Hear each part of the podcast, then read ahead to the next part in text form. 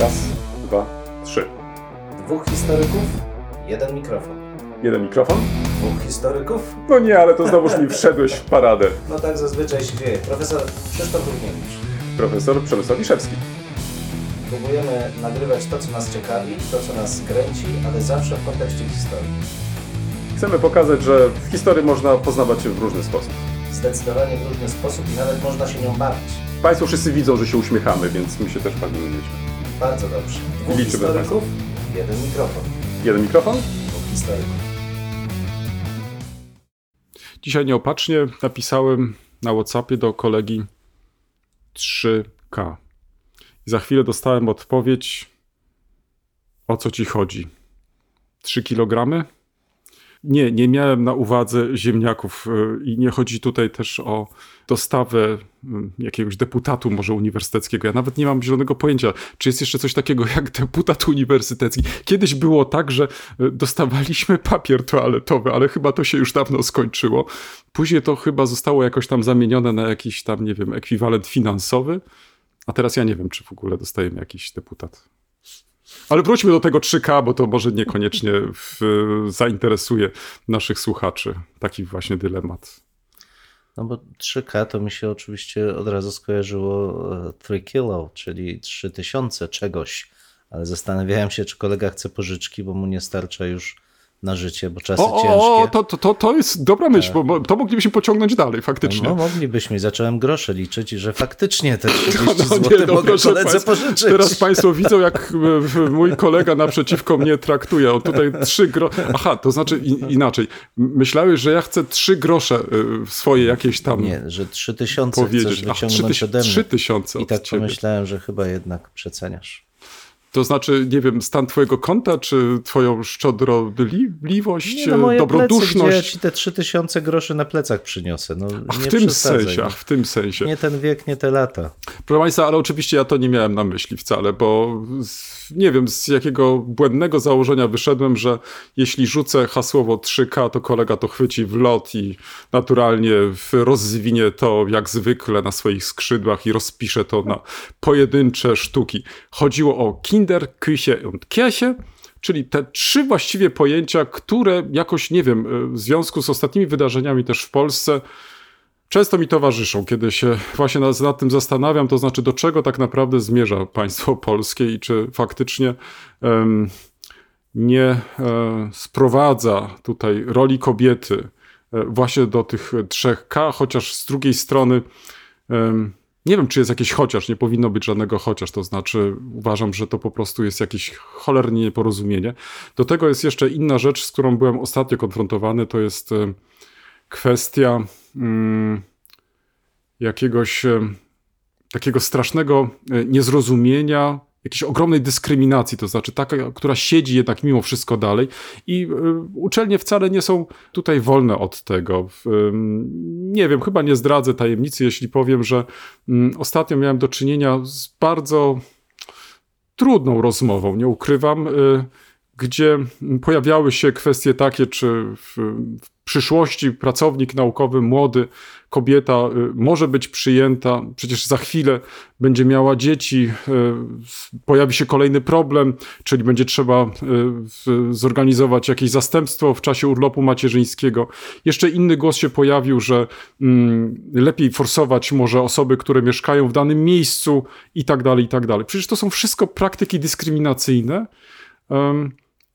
Ja szczerze mówiąc, no nie mam żadnej odpowiedzi. I ta wczorajsza decyzja Trybunału Konstytucyjnego, pod, y, którego, pod której wrażeniem chyba jesteśmy nadal, no po prostu powoduje, że ja nie wiem, czy, czy, czy, czy uprawnione jest pytanie, czy my nadal jesteśmy tą częścią Zachodu, czy praktycznie ten Zachód na własne życzenie jednak e, opuszczamy. To znaczy jakiś takie, taki związek z w ogóle no, z tradycją, z historią, z przeszłością. Bo my mówimy o różnych epokach. Mówimy o tym oddalaniu się lub też e, e, powrocie. No, boję się, że poprzez tego rodzaju decyzje my raczej się znowuż oddalamy i stawiamy pod znakiem zapytania te osiągnięcia, które wydawałoby się są tak oczywiste, przynajmniej w tej części Europy, że nie podlegają w ogóle żadnej dyskusji.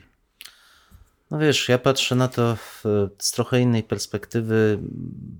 Przed wielu, wielu, wielu laty, kiedy toczyła się decyzja, przepraszam, dysputa, um, czy my mamy prawo być częścią Zachodu, w jaki sposób powinniśmy się włączyć w kulturę Zachodu. Wszystkie te dylematy lat 90. ja widziałem zawsze trochę inaczej. To znaczy, zawsze uważałem, że powinniśmy akcentować, że jesteśmy czymś specyficznym, tak jak każda inna kultura, i że w ramach tej specyfiki łączymy w sobie różne wpływy kulturowe i oferujemy coś, co jest wynikiem tego połączenia w pewnej specyficznej sytuacji historycznej.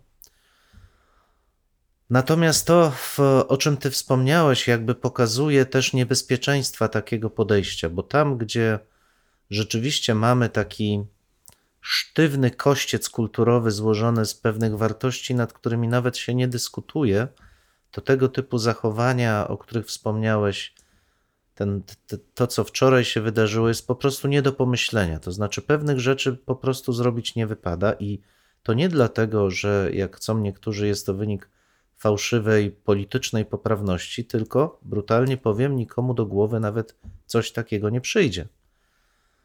Bo te przykłady, o których wspomniałeś, to pytanie, czy kogoś zatrudnić, bo może urodzić dziecko i może pójść na urlop, jest tak dla mnie dramatycznym nieporozumieniem, tak głębokim przykładem braku empatii, że nie potrafię nawet zareagować. Nigdy nie sądziłem, że cokolwiek takiego może się wydarzyć w, w naszym środowisku. Natomiast problem niewątpliwie jest głębszy, to znaczy, jaki my mamy ten kościec kulturowy, skoro pozwalamy sobie i innym wokół nas na tego typu decyzje. Gdzie leży ten problem, że nie dostrzegliśmy, że świat idzie w kierunku nie tylko równych praw, tych od strony formalnej, ale także ważenia wartości i zachowań w obrębie społecznych grup, tak, aby uzyskać jak największy stopień humanitaryzmu, abyśmy mogli nawzajem siebie szanować i uzyskać jak największą zgodność współżycia, a nie dominację, bo że grupy społeczne, czy to będą narody, czy to będą wspólnoty obywatelskie, albo wspólnoty poddanych, mówiliśmy o tym wiele razy, opierają się albo na współpracy, albo na dominacji. To, co wydarzyło się wczoraj i to, o czym ty mówisz, jest dyskursem dominacji. To znaczy, ktoś z jedną wizją rzeczywistości przejmuje kontrolę nad całą grupą społeczną i zaczyna ją formować tak, jak uważa, że będzie to słuszne i dobre.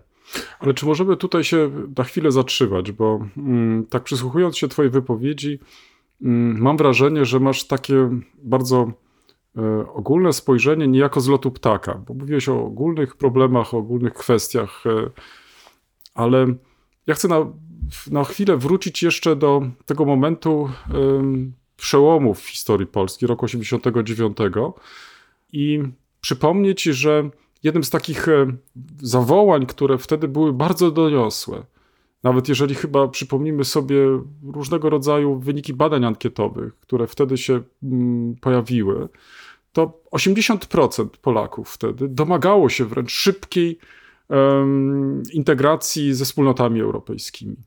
Czym to tłumaczono? Tłumaczono to tym, że po roku 1945 zostaliśmy niejako odcięci od tej Europy. Przestaliśmy być częścią tego świata zachodniego i w tych wydarzeniach przełomowych, rewolucyjnych wręcz, roku 1989 widzieliśmy szansę na powrót właśnie do tego świata, z którego zostaliśmy odcięci.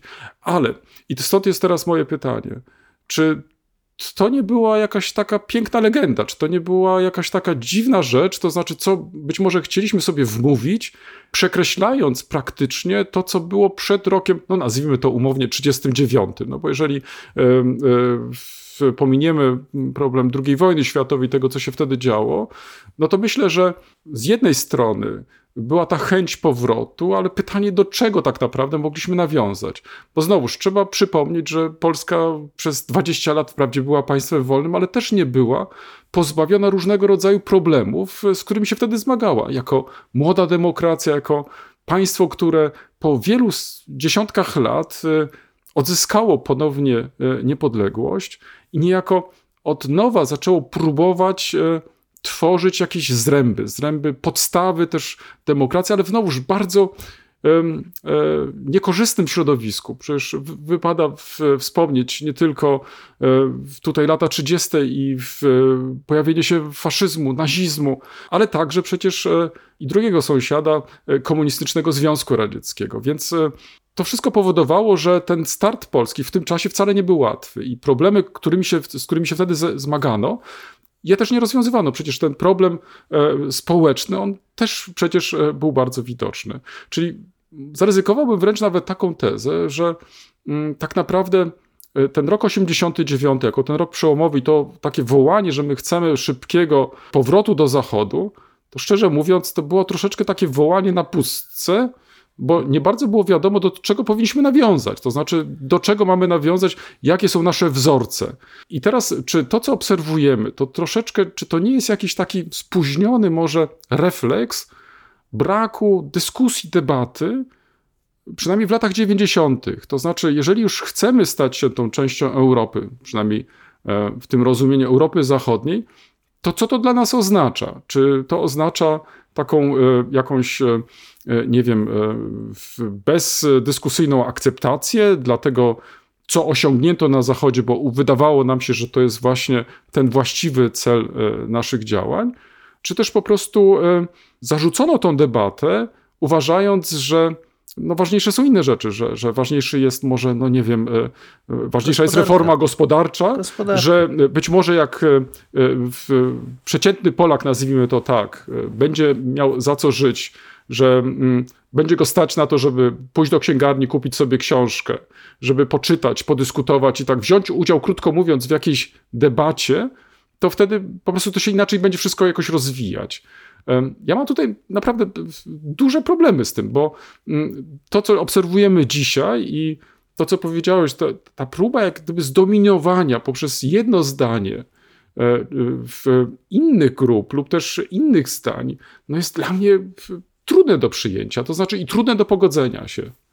Czy to kilk, kilka bardzo ciekawych rzeczy dotknąłeś. Ja bym zaczął od tej najważniejszej, to znaczy, co to znaczył dla nas w, na początku lat 90., na tym w czasie tego przełomu powrót na zachód. I ja bym powiedział brutalnie, że tu nie było żadnego kulturowego powrotu na zachód. To była tęsknota za gospodarką. To była tęsknota za życiem kolorowym, za życiem wolnym. To była tęsknota za samochodami, za domami, za życiem pozbawionym tego cierpienia, jakim był ten okres szarego, szarych lat 80. No może nie cierpienia, ale tej nudy i takiego poczucia beznadziei. I jeżeli coś wybrał, całe te, wszystkie te kraje przecież dawnego bloku e, socjalistycznego, to wybierały przede wszystkim gospodarkę, że będzie lepiej. Reformy, jakie były, przede wszystkim były skupione na gospodarce. Trudno się dziwić. To, to była sfera, która zgodnie z piramidą Masłowa musiała zostać naprawiona, żebyśmy mogli myśleć o czymś więcej. Ale problemem jest to, że niestety rządzący zapomnieli, że jest coś więcej. Że przez te wszystkie lata, i to mówię z całą stanowczością, przez te wszystkie lata do teraz rządzący w zasadzie mówili i mówią o gospodarce i troszczyli się i troszczą o gospodarkę. Cała reszta jest mniejszym lub większym kwiatkiem do kożucha. I kiedy wiele lat temu jeszcze zarządów poprzedniej ekipy wielokrotnie mówiliśmy, że reformy też szkolnictwa nie mogą być skoncentrowane tylko na wątku ekonomicznym, że kultura jest tym, co decyduje o kształcie społeczeństwa, to nikt nie chciał słuchać. Ale my nie jesteśmy wyjątkiem, co też wiele razy powtarzałem, to są te same błędy, jakie popełniły dojrzałe demokracje zachodnioeuropejskie, a najlepszym przykładem są Stany Zjednoczone. Natomiast ja bym spojrzał trochę na tą sytuację w Polsce z perspektywy tej drugiej Rzeczpospolitej, o której wspomniałeś. No bo umówmy się, demokracją to ona była 7 lat, może 8, Mhm. ale od 26 roku jest to państwo bardzo autorytarne. Demokracja oczywiście, ale fasadowa, zdominowana przez e, osobę marszałka, jego obóz polityczny, potem przez pułkowników. Trudno to nazwać demokracją parlamentarną. Łącznie z więzieniami dla... Oczywiście, e, Bereza Kartuska. No, że o czym I mówimy? okrągła rocznica w tym roku. Dokładnie tak. Natomiast co jest ciekawe, że ten okres e, 8-7 lat był okresem rzeczywiście głębokiej zmiany społecznej, przynajmniej jej zapoczątkowania. No, Polska była jednym z pierwszych krajów, gdzie równe prawa wyborcze zaczęły obowiązywać wszystkich, w tym właśnie kobiety. Przecież to była rewolucja na ogromną skalę, także w tej części Europy. I jeżeli spojrzy się na dorobek tych 8 lat, to raczej trzeba postawić pytanie, dlaczego doszło do tego, co doszło w 26 roku, a teraz możemy z perspektywy powiedzieć, co się dzieje w tej chwili, dlaczego odrzucamy tą trudną, wolnościową narrację życia społecznego, która wymaga porozumienia, wymaga dyskusji, czasami dyskusji, która męczy, a wybieramy rozwiązanie jasne, proste, które uderzają w rzeczy, wydawałoby się podstawowe, właśnie w wolność, w samostanowienie, w podejmowanie decyzji przez obywateli. To zapytam Cię teraz też wprost, bo e, w pierwszej części Twojej wypowiedzi było tak, że mm, to rządy zaprzepaściły to czy tamto. Nieważne teraz e, jakiego koloru w, i tak dalej, i tak dalej. Ale czy tu nie popełniamy też kolejnego błędu, to znaczy takiego oczekiwania, że to rządy coś za nas zrobią?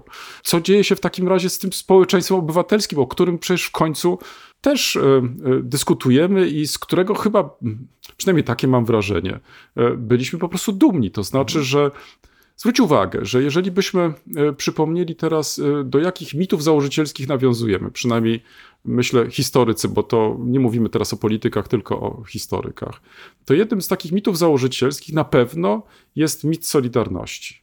I nie ulega wątpliwości, że ten ogromny ruch e, społeczny, przynajmniej tak to też interpretujemy, przyczynił się albo też dał też przykład, jak można w sposób nie używając siły, e, przyczynić się do zmian ogromnych, to znaczy zmian politycznych, e, społecznych, gospodarczych itd. Czego sk- chociażby wynikiem, wprawdzie z, z jakimś takim dużym odstępem czasu, e, wynikiem były przecież te wydarzenia roku 88, 88, 89. I już wtedy się nawet wydawało, że mm, to jest właśnie to zwycięstwo tego społeczeństwa obywatelskiego, to znaczy tego przeciętnego Kowalskiego, czy przeciętnej Kowalskiej, też y, nie należy o tym zapominać, którzy to często poświęcając także swoje życie prywatne, zainteresowali się tymi sprawami ogółu, to znaczy walczyli o te równe prawa, walczyli o te, o te wartości i nawiązywali też, przynajmniej takie było moje wrażenie, do tych wartości, które bez większych problemów można byłoby mm, odnaleźć także w, gdzie indziej na Zachodzie. Także to sprawiało, że ten przełom roku 89 i dlatego wracam też do Mhm. kolejnego mitu założycielskiego, mimo że e, osiągnięto kompromis, czego Polacy, jak wiadomo, za bardzo nie lubią, ale był to ważny kompromis, podobnie jak e, kompromis okresu Solidarności, że tu trzeba po prostu szukać poprzez dialog, e, ścierać się z władzą, ale trzeba też samemu coś proponować. Czy to oznacza, że społeczeństwo obywatelskie tutaj w tych e, rozważaniach, także i twoich, one nie odgrywa już żadnej roli, czy też Absolutnie, nie, nie. Ja uważam, że tu my mówimy jakby o dwóch różnych poziomach tej rzeczywistości, bo zauważ, że to społeczeństwo obywatelskie nadal funkcjonuje w bardzo trudnych warunkach, ale jednak ludzie korzystają z tego, co jest im dostępne, wyrażają swoje opinie, próbują się jakoś samoorganizować. Na tym poziomie lokalnym, kiedy pojawia się zagrożenie, te ruchy są też bardzo takie spontaniczne i silne. Natomiast to warto odróżnić tą działalność taką na tym podstawowym poziomie, gdzie to społeczeństwo obywatelskie cały czas działa, od tego, co staje się tą taką matrycą, bo to jednak nie społeczeństwo obywatelskie decyduje o tym, jakie treści będą nauczane w szkole. No powiedzmy sobie brutalnie. Jeżeli państwo nie zadba o to, żeby nasze dzieci kształciły się właśnie w duchu równościowym, otwartym, ale zaczyna wskrzeszać albo obywatelski, bo to y, do tego zmierzamy. Oczywiście, prawda? że tak, ale zaczyna wskrzeszać te mitologie, ideały oparte o konflikt, na konflikt, skierowane na konflikt, oparte o konflikt, zaczyna wzniecać poczucia jakiejś krzywdy, na której buduje się z kolei, czy próbuje się zbudować właśnie zagrożenie, które ma łączyć wspólnotę, no to nawet najlepsze społeczeństwo obywatelskie nie będzie w stanie temu sprostać. Świetnie widać to na przykład po tym, co się dzieje w chwili obecnej w Tybecie. Po tych kilkudziesięciu lat okupacji chińskiej ta tradycyjna kultura z trudem już sobie radzi, z ogromnym trudem. I to, to jest ogromna, ogromne wyzwanie, jak zachować wartości w sytuacji, kiedy świat temu nie sprzyja. Ale te wartości są naturalne. Ja będę cały czas to podkreślał, że to, z czym mamy do czynienia dzisiaj, to znaczy z takim próbą zepchnięcia i odebrania praw obywatelskich tych naturalnych praw części społeczeństwa, to, to jest walka, której nie da się wygrać. Jeżeli ktoś chce sprowadzić kobiety do roli tylko, nie wiem, automatów kuchennych, no to jest na przegranej pozycji, bo bez kobiet społeczeństwo nie będzie nawet gospodarczo funkcjonować. Ja już nie mówię o ogromnym potencjale kreatywności, bez której to nasze społeczeństwo nie funkcjonuje, ale w ogóle nie da się wymyślić ustroju nawet quasi demokratycznego, negując podstawowe prawa połowy społeczeństwa. No dobrze, ale to w takim razie, czym wytłumaczyć ten fenomen mm, takiego zwrotu w kierunku konserwatywnym? To znaczy, em, nie wiem, czy to y, pod wpływem tych ym, no, No różnych. ale czy to jest różnych konserwatyzm? Wiesz- Jesteś pewien, że to jest konserwatyzm? no właśnie, nie wiem jak to też nazwać, bo być może. y, może wytłumaczę to, o czym myślę w ten sposób, że w chwili, kiedy mieliśmy w Europie do czynienia e, z, jedną, z jednym kryzysem, e, a przecież e, Europa po 1945 roku była, przynajmniej jeżeli chodzi o Europę Zachodnią, e, także organizacje, które e, stworzyła, od czasu do czasu targana jednym kryzysem. I to właściwie stale powtarzano, że mm, pokonując taki kryzys, zwalczając taki kryzys, z każdego takiego kryzysu ta Europa wychodzi ubogacona.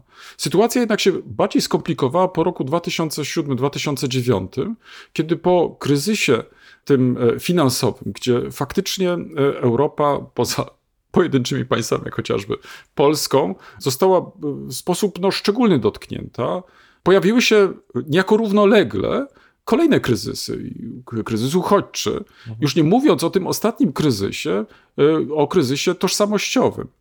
I teraz mamy dodatkowo jeszcze inny kryzys, który ma charakter globalny, już nie ograniczony tylko do, do, do Europy, czyli pandemię. I teraz zwróć uwagę, że mm, dla rządzących, ja już nie myślę tutaj o polskich, ale mm, generalnie dla rządzących to jest taka zawsze pokusa, żeby wykorzystać chociażby fakt pandemii do, no właśnie, y, realizacji swoich celów politycznych. Ja teraz nie myślę tutaj tylko w kontekście ograniczenia, ale w każdym razie, żeby mm, poza istniejącymi strukturami demokratycznymi podejmować po prostu decyzje niejako ponad głowami po prostu obywateli. Y, I taka pokusa chyba istnieje. I teraz kwestia jest taka, mm, co sprawia, że, że coś takiego się po prostu dzieje. To znaczy, żyjąc w tym w takim wielowątkowym e, świecie, chyba jeszcze nie nauczyliśmy się odczytywać tego świata, znajdować jakąś taką drogę dla nas em, e, rozwiązania takiego czy innego problemu. To znaczy, te problemy się nam stale mnożą. Politycy niekoniecznie albo nie zawsze są tutaj dla nas pomocni, bo oni zamiast moderować, tak jak zauważyłeś, często rządzą poprzez konflikt ale nie rozwiązują tym samym żadnego problemu. No i teraz y, w tym kontekście pojawienie się na przykład y, różnego rodzaju opcji konserwatywnych, patrzcie, my jesteśmy jedynymi, którzy, no właśnie, są przywiązani do takich czy innych wartości, a przecież te w przeszłości się sprawdzały. Czy się sprawdzały, czy się sprawdzały, możemy o tym dyskutować. Natomiast nie ma innej propozycji alternatywnej w tym samym czasie. Czyli znowuż, rządzący może nie są zainteresowani, społeczeństwo obywatelskie, tak jak mówisz, może jest za zmęczone albo słabe, albo nie jest zbyt głośne, ażeby móc w jakiś sposób stać się pewną przeciwwagą dla właśnie tych negatywnych tendencji. No, znaczy wiesz, tu są jakby dwie, wydaje mi się, dwie podstawowe kwestie, jak sobie zdefiniujemy te nurty przez, nie tylko przecież w Polsce, w Europie, ale i w Stanach Zjednoczonych. Ja bym powiedział bardzo fundamentalistyczne. Fundamentalistyczne w tym sensie nie przywiązane do jednej z religii czy wyznania, ale fundamentalistyczne w tym sensie, że odmawiające prawa do jakiejś racji swoim oponentom, przeciwnikom, czyli takie, które są autorytarne w sensie rozwiązywania problemów, wizji świata. Bo to jest proste. Znaczy, to, to jest najprostsza odpowiedź. Taka wizja w chwili kryzysu wydaje się odpowiednia, bo ona jest prosta, jasna, nie wymaga zastanowienia od rządzonych, nie wymaga też większego wysiłku. Po prostu muszą słuchać rządzących i mieć nadzieję, że to przyniesie im korzyść. Jeśli wiąże się to dodatkowo z krótkookresową korzyścią gospodarczą, większość ludzi potrafi to zaakceptować, ale jeszcze raz podkreślę, to jest wina tego, że my nie staraliśmy się pokazać, że korzyścią większą dla społeczeństwa i jednostki jest myślenie długookresowe, jest słuchanie się nawzajem, jest współpraca. Jeżeli tego brakuje, to znaczy, jeżeli wcześniej nie było tego fundamentu, to nie będziemy potrafili wypracować na szerszą skalę tej współpracy. Ale ja cały czas jeszcze raz powtórzę, ja wierzę w to, że ludzie są w stanie współpracować, chcą współpracować ze sobą i doświadczenia codziennej współpracy przeniosą na szerszą skalę. W tym miejscu stawiamy kropkę lub też jak to woli, kropkę nad i. No, mamy nadzieję, że to nie jest koniec, że to jest początek naszych dyskusji. Mam nadzieję, że Was zaciekawiliśmy. Prosimy o komentowanie naszych zmagań z historią. Poniżej zdjęcia jest wystarczająco dużo miejsca. I pamiętajcie, nie regulujcie odbiorników. No, my naprawdę tak czujemy. E, tak, chociaż być może czasami e, może trzeba ściszyć. No może czasami ten nasz rekord by się przydało wyciąć nawet. Dwóch historyków, Jeden mikrofon, jeden mikrofon. I do usłyszenia Państwu. Do usłyszenia.